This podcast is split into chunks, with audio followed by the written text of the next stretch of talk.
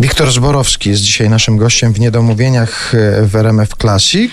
E, od rozmowy o kontaktach z wnuczkami przeszliśmy tak płynnie do spraw zawodowych. I teraz przy tych sprawach zawodowych się zatrzymajmy.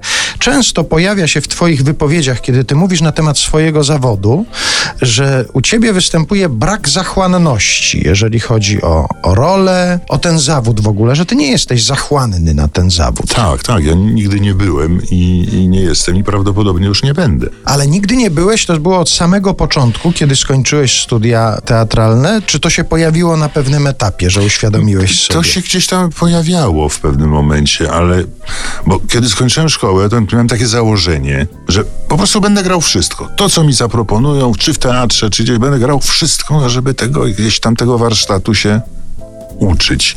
I rzeczywiście tak robiłem przez jakieś 7-8 lat. Potem stwierdziłem, że że to mi już szkodzi, że ja już nie mogę brać wszystkiego.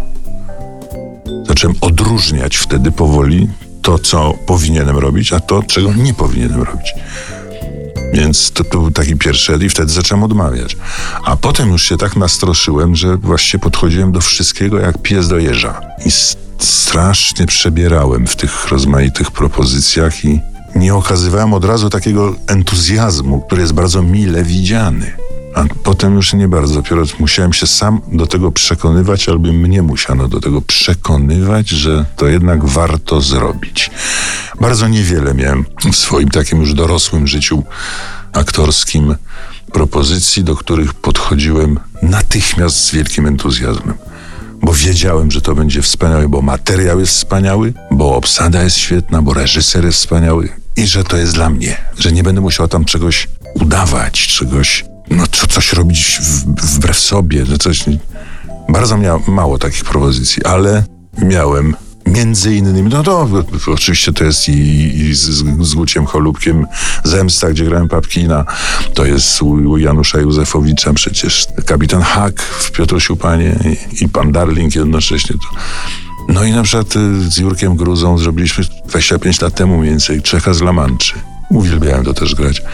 A ostatnio przeżyłem teraz dużą, taką sentymentalną podróż, bo 31 byłem zaproszony na premierę, która się odbyła też właśnie w teatrze dramatycznym. Człowiek z La Manczy.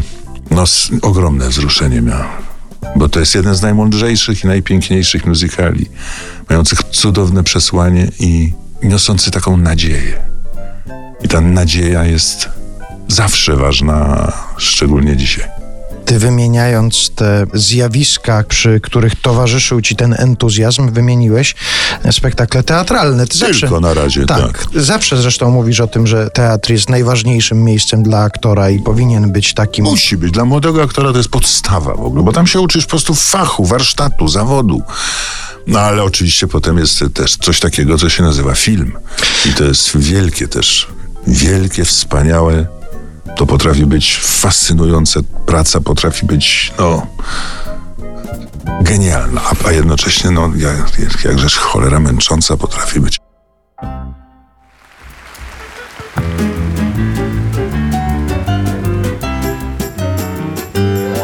Zabawny dosyć fakt, za chwilę wam powierzę Co wiele temu lat wydarzył się w operze.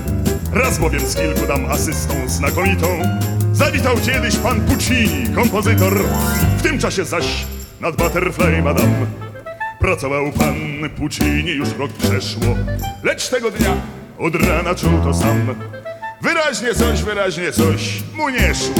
W antrakcie wziął cygarą drżącą dłoń Nerwowo jął dym wciągać raz przy razie. Gdy strażak się dyskretnie zbliżył doń By przestrzec go w berlistej dźwięcznej frazie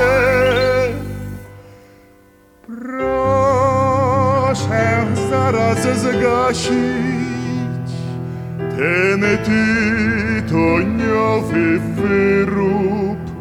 Drogi panie, tu nie wolno palić, grozi za to mandat pięćset lirów. Pa, pa, pa, pa, pa, pa, pa. I słuchał tego pan Puccini kompozytor. I czuł, ach czuł, przysięgam wam, że coś mu świta. I następnego dnia w operze dał swe dzieło.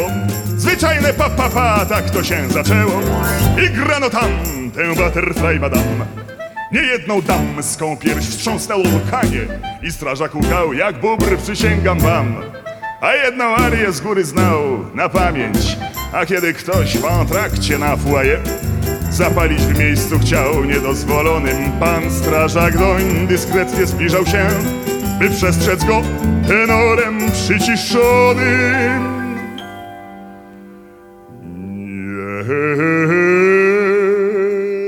Nie wolno tutaj palić, daruje pan, ale nie palić, kochany. A Puccini wsłuchany uśmiechał się bosko, bo w tym czasie akurat pracował nad Toską. Panowie, przynieśmy czasem z serca toast szczery za wkład Straży Pożarnej w historię opery.